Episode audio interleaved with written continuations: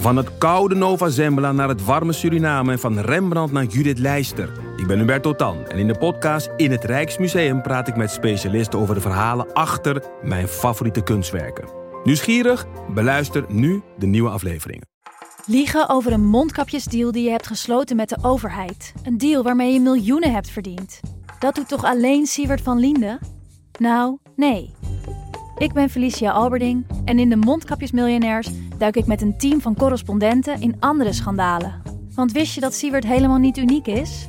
Luister de Mondkapjesmiljonairs in je Podimo-app. Of ga naar podimo.nl slash mondkapjes. En probeer Podimo 30 dagen. podimo.nl slash mondkapjes.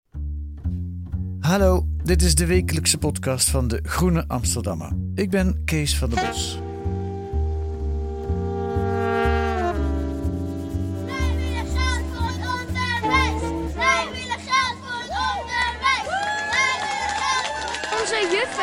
Zijn er op sommige dagen niet, waardoor wij, waardoor wij de lessen op die dagen missen. Vier maanden geleden, in november, gingen de onderwijzers en leraren de straat op voor meer geld. Mijn directeur die haalt op dit moment nu alle potjes leeg om er maar voor te zorgen dat wij mensen in school hebben, dat wij mensen kunnen opleiden en dat wij mensen uiteindelijk voor de klas krijgen. Bij ons is een derde is onbevoegd. En ook deze week is er weer een landelijke onderwijsstaking. De derde al in een jaar. De nood is hoog in het onderwijs. Te weinig leraren, die ook nog te weinig verdienen, vooral de onderwijzers dan. En ook nog eens slechte resultaten van het onderwijs. En dat zeggen niet alleen de boze leraren, dat zegt ook de onderwijsinspectie. Jaren geleden al constateerde die dat de kwaliteit van het onderwijs de laatste 20 jaar daalt. 1 op de 10 kinderen die groep 8 verlaat, kan niet fatsoenlijk lezen. En 4 op de 10 kan geen tekst fatsoenlijk samenvatten. Ongelooflijke cijfers eigenlijk voor een ontwikkeld land als Nederland. Hoe is het zover gekomen? En wat is er aan te doen? Is meer geld een oplossing? Rosa van Gool, zelf oud-leerkracht, redacteur van De Groene, schrijft regelmatig over onderwijs in De Groene, ook deze week weer. En nu zit ze hier. Welkom in de podcast, Rosa. Dank je, Kees. Oud-leerkracht, wat, wat was je, je vak ook weer? Ja, ik werkte op, in het voortgezet onderwijs, gaf ik Grieks en Latijn. Dus dat is een beetje, het gaat nu voornamelijk over het primair onderwijs. Ja, Daar- maar de, de leraren uit het voortgezet onderwijs doen ook mee, hè? Ja, Volgens- ja. klopt. Ja. Eh, als jij nou nog leraar was, zou je meedoen met Ja. de staking? Ja? Ja. Want? Want ehm, nou, ik denk dat het in het voortgezet onderwijs minder moet gaan over salaris. Daar gaat het ook niet om. Het zijn ook niet de eisen van de bond, maar daar gaat het echt om werkdruk. Ja. Dus om Nederlandse leraren geven heel veel les in een week. En hebben heel veel leerlingen. Dus geven heel veel uren les, hebben heel veel leerlingen. En dat maakt het heel erg zwaar. En ik denk dat elke leraar eh, ervoor zou zijn om die klassen gewoon ietsje kleiner te maken, ietsje minder uren. Alleen dat is natuurlijk ook op dit moment met dat tekort heel moeilijk. En eh, gaat waarschijnlijk niet gebeuren. Maar ik zou daar wel voor staken. Oké, oké. Ehm, de belangrijkste eis morgen is meer geld. En overmorgen. Maar jouw verhaal, als ik dat lees, dan bepleit je eigenlijk een andere oplossing dan meer geld.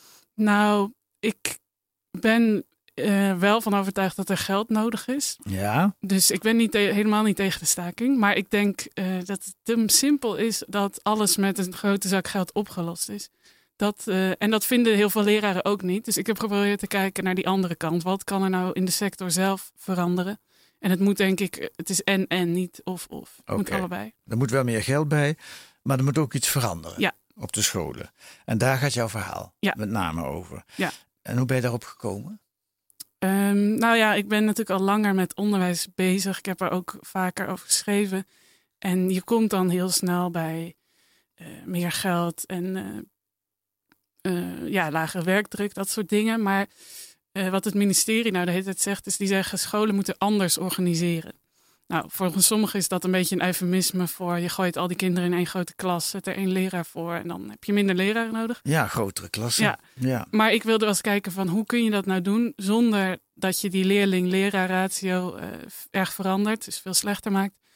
Eh, zijn er dingen die inderdaad beter kunnen? Dus dat kan op schoolniveau zijn, maar het kan ook zijn op het niveau van de schoolleider of op het niveau van het bestuur. Ja. En ik denk dat er eigenlijk op al die, alle drie die niveaus en op het politieke niveau allemaal iets moet gebeuren. En dat dat ook de reden is dat het nu zo moeizaam gaat, omdat iedereen een beetje naar elkaar kijkt. Iedereen ook de verantwoordelijkheid op elkaar afschuift, terwijl het eigenlijk allemaal zou moeten. Ja, en, en, en wat brengt je dan op dat idee dat er behalve meer geld ook iets op de scholen moet gebeuren?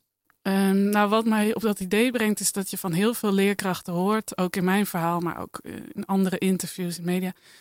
Er is heel veel op ons bord terechtgekomen. We hebben ons heel veel laten aanleunen over de jaren. Eh, niet alleen door de politiek, maar ook door de maatschappij, door ouders. Ehm, en we hebben heel weinig zeggenschap. En dat er zo weinig zeggenschap en zo weinig autonomie bij die leraren ligt, dat is denk ik een van de redenen waardoor het beroep eh, zo impopulair is geworden. En dat zie je ook als je bijvoorbeeld naar enquêtes kijkt onder de stille reserve. Dus de mensen die bevoegd zijn om voor de klas te staan, maar iets anders doen of een uitkering hebben.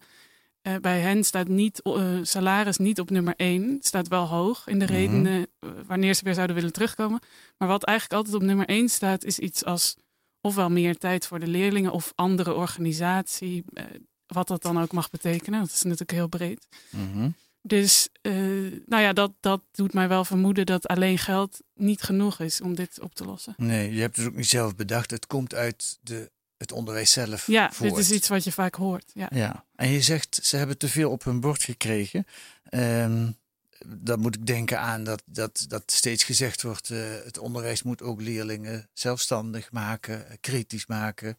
eh, seksuele voorlichting, eh, alles moet eigenlijk in, via het onderwijs Ja, opgelost worden. Verkeersles, obesitas oplossen.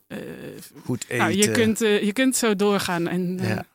Maar wat is er gebeurd? Op de een of andere manier lijkt het dus dat scholen daar de laatste twintig jaar misschien wel gevoeliger voor zijn geworden. Of waren die eisen er voor die tijd minder?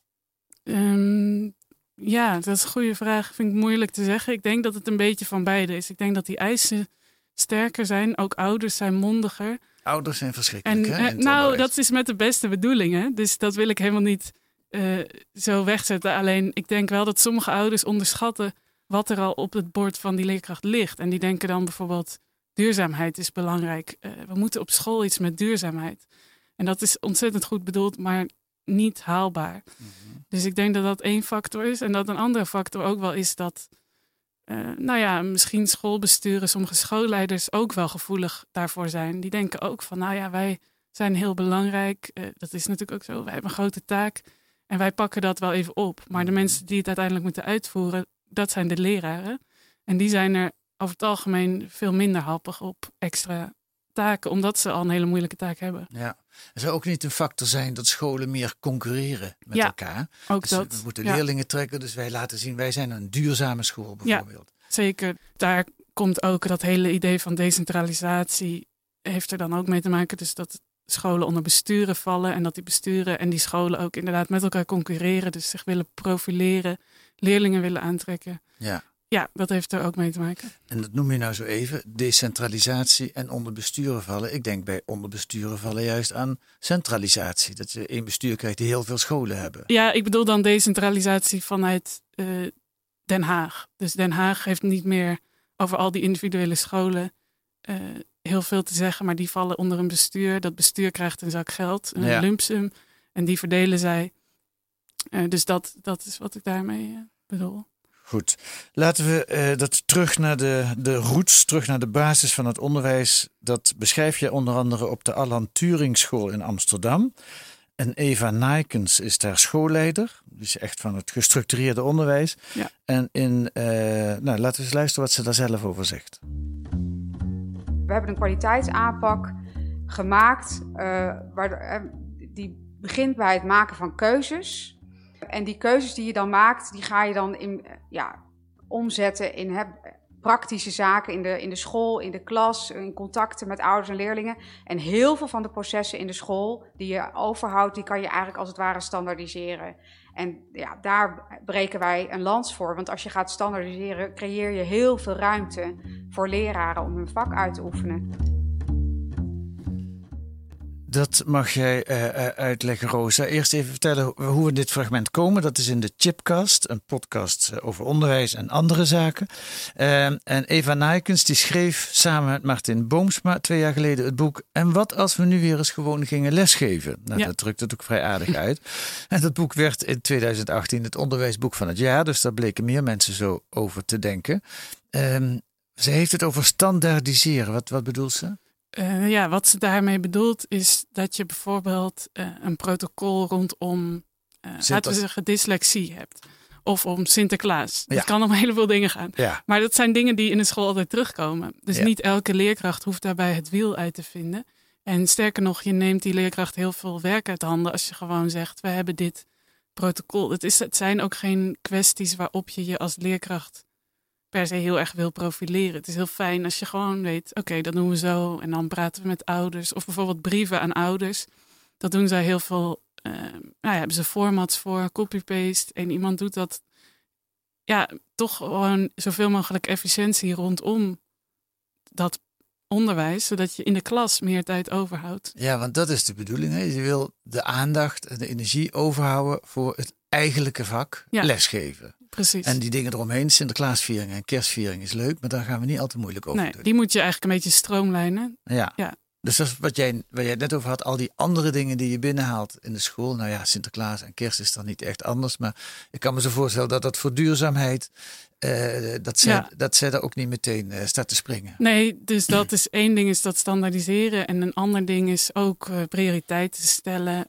Ik zou zeggen nee zeggen. Volgens mij willen ze het zelf liever niet nee zeggen noemen. Want dat vinden ze dan te negatief. Maar daar komt het misschien wel op neer. Dus dat je gewoon zegt, duurzaamheid hartstikke leuk en belangrijk. Maar wij hebben niet de tijd en de middelen om daar iets aan te doen, helaas. Ja. Jij bent op die school geweest. Ja. Je hebt met Eva Nijkens ook gepraat. Eh, wat is dat voor school? Wat voor indruk krijg je? Ehm, het is een hele school in het centrum van Amsterdam, op de Oostelijke Eilanden. Het is best wel een redelijk gemengde school. Dus eh, kinderen, hoge sociaal-economische situatie, lage sociaal-economische situatie door elkaar. Een hele rustige school is het. Alle lokalen zijn hetzelfde ingericht. Dat is ook weer dat standaardiseren. Ja. En ehm, er hangt een hele, Is het ja, een hele kalme sfeer. Ja, is een school voor eh, witte kinderen? Is het een school voor Het is zwarte een gemengde school. Oké, niet Ja. per se een elite-achtige Nee, school. nee. Moeten de ouders veel eigen bijdrage betalen? Nee, dat is gewoon heel, heel standaard. Ik weet even niet hoeveel het uit mijn hoofd. Heel basic. Ja. En doen ze het goed? Ze doen het heel goed en ze worden ook heel veel aangehaald als voorbeeld. En eh, ja, ze laten zien eh, dat je heel veel zelf kan doen. Wat niet wil zeggen dat zij zich geen zorgen maken. Want ook zij zien dat ze bijvoorbeeld, toen ik daar was, was er een leerkracht ziek. En dan hebben zij ook een probleem, want zij kunnen ook geen invallers vinden. Maar dat komt door het feit dat er bijna geen invallers zijn. Precies. Daar Dus- hebben zij natuurlijk ook last Nee, van. daar hebben Ja. zij ook last van. Maar ze kunnen wel mensen vinden die bij hun willen werken. Ja. Dat kunnen ze wel, ja. En, ze, en, ze, en de leraren die daar werken, zijn die ook minder ontevreden of zijn die tevreden? Nou, de leraren die ik gesproken heb, die zijn heel, heel tevreden. Ja. Ja. En die zeggen ook echt een verschil te merken met scholen waar ze eerder gewerkt hebben. In dat stellen van die prioriteiten, in het wegnemen van heel veel ruis eigenlijk. Ja. ja. En de ouders? Ja, nou ja, de ouders zijn in principe ook tevreden. Ja, Ja. Ik heb zelf niet heel veel ouders gesproken, maar ze krijgen goede beoordelingen. Ja, Maar het lijkt mij eigenlijk zo simpel. Waarom doet niet iedereen dit? ja het klinkt inderdaad heel simpel. En dat zou je inderdaad denken, waarom doet niet iedereen dit? Maar ik ben ook op een aantal andere scholen geweest en die doen het weer heel anders. En dat zit ook wel een beetje in ons systeem ingebakken. We hebben natuurlijk vrijheid van onderwijs. Ja. En dat is ook echt een traditie waar mensen heel erg aan hechten. Dus je hebt ook mensen die zeggen, ja, maar ik wil helemaal niet eh, zoveel klassikaal. Op de Ellen Turing School doen ze vrij veel klassikaal. Beetje ouderwets. ook. Beetje, ja, je zou het een beetje ouderwets kunnen noemen. Je zou het traditioneel misschien. eh, Ja, dat is, dat is een beetje scheldwoord. Het Ja. wordt allemaal nieuw en modern. Ja, eh, en nou ja, dat is ook het mooie aan ons systeem is dat je die diversiteit hebt. Dus er valt wat te kiezen, ook Ja. voor leerkrachten. Ja. En je kunt het ook op een andere manier doen. eh, waarbij je bijvoorbeeld een grote klas hebt waar je dan twee leerkrachten naast elkaar zet. Nou, sommige leerkrachten vinden dat heel erg prettig. En dan heb je meer ruimte voor- bijvoorbeeld voor leerlingen om in groepjes aan het werk te gaan of individueel. Eh, dus je hoeft het niet allemaal zo te doen. Ik denk ook dat dat onmogelijk is, omdat je dan ook weer heel veel tegenstand zou krijgen. Oké, op die andere methode komen we zo maar nog even over Eva Nijkens en de Alan Turing School. Ehm, is dat een begin van een grotere beweging? Of wat je, eh, zijn er, dat boek is heel populair. Ja. Betekent dat dat, dat, we, dat we dit eh, op steeds meer scholen zien? Of kun je dat niet zeggen? Nou, dat, dat is een hele interessante vraag. Want dat vroeg ik me natuurlijk ook af. Van waarom doet niet iedereen dit? Zoals Ja. jij net zei. Is het dan zo ingewikkeld? Ja. En eh, daar zit een beetje een paradox. Want je ziet dat ze heel populair zijn. Ze worden ook heel veel gevraagd. Het boek wordt veel gelezen.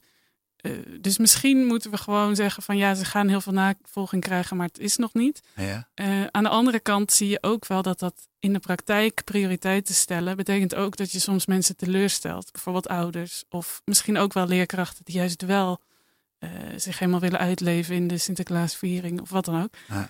Dus je ziet ook dat scholen het in theorie een heel aantrekkelijk idee vinden volgens mij, maar het best wel moeilijk vinden om dat in praktijk te brengen. Want daar moet je een beetje, ja, ook een beetje streng in zijn. En dat, Ja. dat vinden veel schoolleiders denk ik ook lastig. Ja. ja, die Eva Nijkens is wat dat betreft kei duidelijk. Hè? Ja, zij is heel duidelijk. Ja. Ja. Oké, dat is eh, Eva Nijkens. Een andere school uit jouw artikel is de Casa Montessori School. Een tweetalige Montessori school. Nederlands en Ja. Engels neem ik aan. Ja, Nederlands en Engels. Ja. Een basisschool. Basisschool, Waarom doen die ook aan Engels? Eh, Er zijn er veel Engelse leerlingen. Nou ja, daar, daar is vraag naar. Zij willen dat graag doen. Ja. In Pijnakker zit Ja. die. Het gekke is, dat is een school die altijd open is. Ja. Die, die hebben nauwelijks vakantiedagen. Ja. Ehm, eh, hoe doen ze dat? Ze werken in units. Ehm, eh, een Engels woord voor dubbele klassen, zeg ik maar even in het, eh, eh, in het, in het gewoon Nederlands. Veel grotere groepen. En een van de docenten van zo'n school, niet van die CASA, daar heb ik niks van gevonden, maar van een vergelijkbare school, de Pionier in Leiden, die vertelde daarover in één vandaag. Mij past het niet, één klas eh, de hele dag. goedemorgen. Hi Lucy, goedemorgen. Alles goed? Goed zo. Nieuwsgierigheid willen we graag ontwikkelen en het samenwerken, creativiteit. En dat zijn juist dingen die je, als je in units werkt en kinderen de mogelijkheid hebben om keuzes te maken op welke manier wil ik werken, eh, wil ik samenwerken, wil ik juist een plek voor mezelf alleen. Weet je wie er jarig is? Oh, vingers, vingers, vingers, vingers. Het is iets wat, wat ik juist heel fijn vind, wat bij mij past. Dus in die zin is die werkdruk dan dus niet hoger. Nee. Omdat het iets is wat je heel graag doet.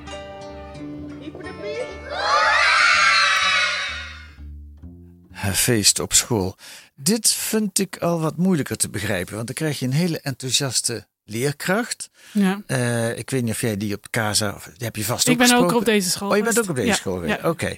Ehm, maar eigenlijk staat ze voor een gigantische klas met wel 60, Ja. 70 Eh, leerlingen. maar dat doen ze niet in hun eentje. Dus Nee. dat doen ze met z'n tweeën. Maar ja, dan nog word ik hartstikke gek van, denk ik dan. Ja, nou, ik eh, ben het daar persoonlijk eh, wel een beetje mee eens. Het zou mij als leerkracht denk ik niet, eh, niet passen. Maar je ziet inderdaad dat er mensen zijn die dat een hele aantrekkelijke manier van lesgeven vinden. Omdat ze dus met z'n tweeën in de klas staan. Dus uiteindelijk hebben ze niet meer leerlingen per persoon. Nee. Ehm, en omdat ze, en dat kan ik me wel voorstellen dat het prettig is, je bent met z'n tweeën, dus je krijgt ook heel veel, ehm, nou ja, feedback, zoals dat dan heet, op jouw manier van lesgeven. Dus je kunt jezelf, als je dat met een goed duo doet, ontzettend in verbeteren. En Ja. ze doen dan veel in kleine groepjes. Dus ze gaan nooit eigenlijk aan al die 60 kinderen tegelijk uitleg geven, maar ze zetten ze dan in groepjes. Ene groepje gaat dit doen, ander groepje krijgt eh, instructie. Ja, Zo ik- werkt het. Ik las ook in jouw verhaal, eh, die klas is verdeeld in drie zones. En dan Ja. heb je één zone waar je mag praten, en één zone waar je mag fluisteren, en één zone waar je kop dicht moet houden. Precies, ja. Eh, dat geeft ook al een zekere structuur. En ze doen nog iets anders op die school. Ze gooien verschillende geldstromen bij elkaar. hè? Dat is op de Casa. Ja. Dus dat is weer de andere. Oké, dat, ja, dat is dit niet was automatisch. de pionier. Dit, Ja. ja. ja, het zijn allemaal heel individuele initiatieven. Dat is ook wel, nou ja, typisch voor het onderwijs. Ja, Ja, oké. gaan we naar de Casa. Casa, daar gooien ze inderdaad de geldstromen voor kinderopvang en voor onderwijs bij elkaar. Dat wil zeggen, eh, een beetje te- technisch, maar het zijn wel twee stichtingen. Alleen ze gebruiken dat wel om diezelfde school samen in te richten. Dus ze hebben ook kinderopvangmedewerkers die activiteiten organiseren. Ja. Dus het geld van kinderopvang en naschoolse opvang en onderwijs wordt in één pot gestopt. Ja.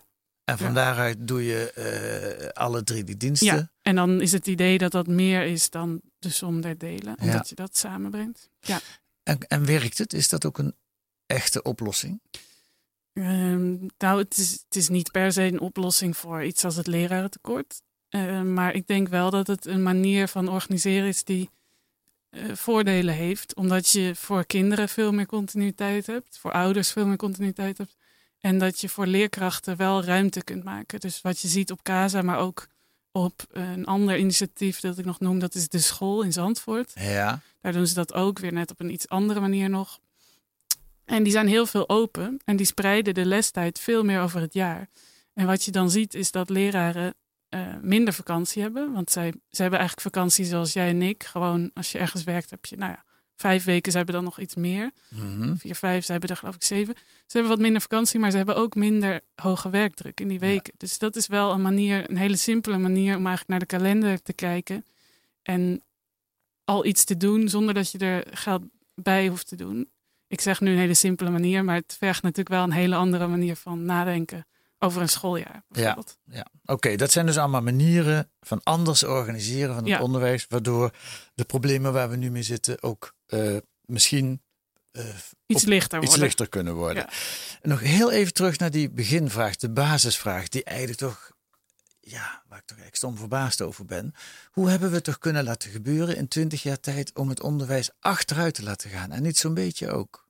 Ja, Ehm, twintig jaar tijd zeg jij, maar ik denk dat het iets is wat je eigenlijk toch nog verder terug moet voeren. Oké. Ehm, het is ook een onderwerp waar ik nu mee bezig ben, dus eh, eh, stay tuned. Maar Ja. ik denk dat er verschillende momenten zijn, eh, verschillende grote omslagmomenten. Dus eh, je Noem kan beginnen bij de Mammoetwet in 1968 bijvoorbeeld. Als Jeetje, je echt ja. ver terug wil gaan. Ja, dat net Ehm, nadat ik van school ja, kwam. nou, Ja. kijk eens aan. En eh, je kan ook denken aan de middenschool. Hè. Vorige week kregen we opeens weer discussie over de brede brugklas. Maar we hebben al een keer de middenschool Van Van gehad. Kemenade was dat toen. hè? eh, niet echt een succes gebleken. Nou, Nee. dan in de jaren negentig krijg je de nieuwe tweede fase, het studiehuis. Volgens heel veel mensen is daar ook een hele hoop misgegaan. Maar dan heb je het over voortgezet onderwijs. Ja, maar een van wat je nu noemt is, wat ook vaak genoemd wordt, is de, dat ze in het onderwijs helemaal gek worden van eh, om de paar jaar waait er weer een nieuwe wind Ja. vanuit Den Haag en dan moet alles weer anders en Ja.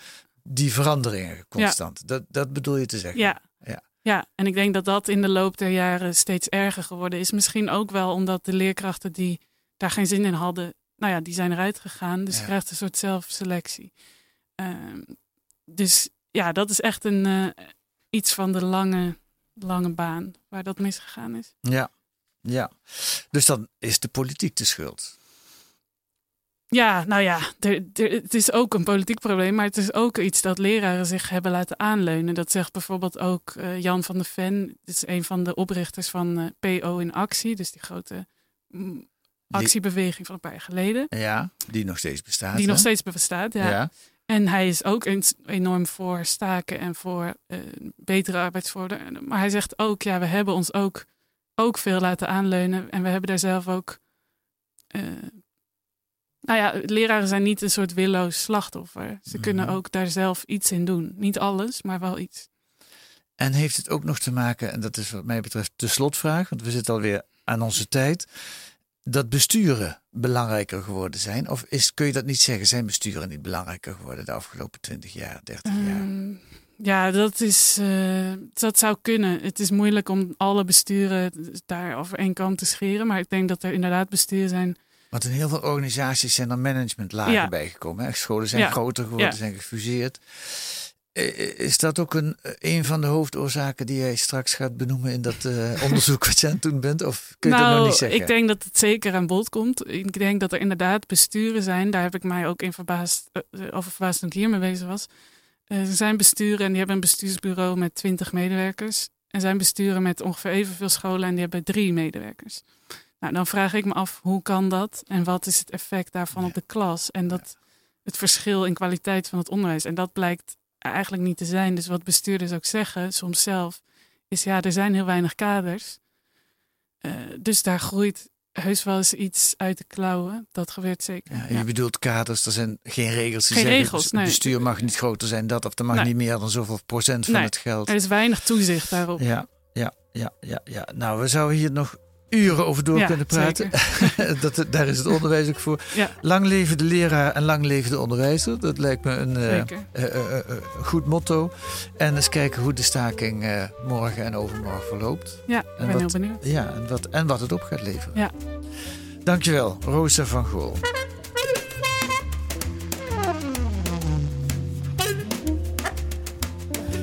Deze week te lezen in De Groene. Wat nog meer? Een onderzoek naar het lage inkomensvoordeel. Dat is een subsidie van honderden miljoenen voor werkgevers die het minimumloon betalen. En tegelijkertijd hun werknemers gevangen houden in dat minimumloon. Want Slim bedacht, wie meer gaat betalen krijgt minder subsidie. Dat is een enorme impuls natuurlijk. En een essay van Herman Tjenk Willink over de politieke aanval op rechters. Citaat: Als de politiek niet tevreden is over de rechter, is de oplossing simpel: andere wetten maken. Herman Tjenk Willink in de Groene van deze week. Kunt u allemaal lezen met een abonnement of een proefabonnement? Ga naar groene.nl. Voor 15 euro kunt u 10 weken de Groene krijgen. Volgende week zijn wij er weer met analyses en achtergronden bij het nieuws in deze podcast van de Groene Amsterdammer. Vergeet niet om ons wat sterren te geven in de podcast-app en je mag ook best een leuke recensie schrijven. En deze week werd de Groene Podcast gemaakt door Tobia Palm en Kees van der Bos. En de muziek is, zoals altijd, het Tune for N van Paul van Kemenade.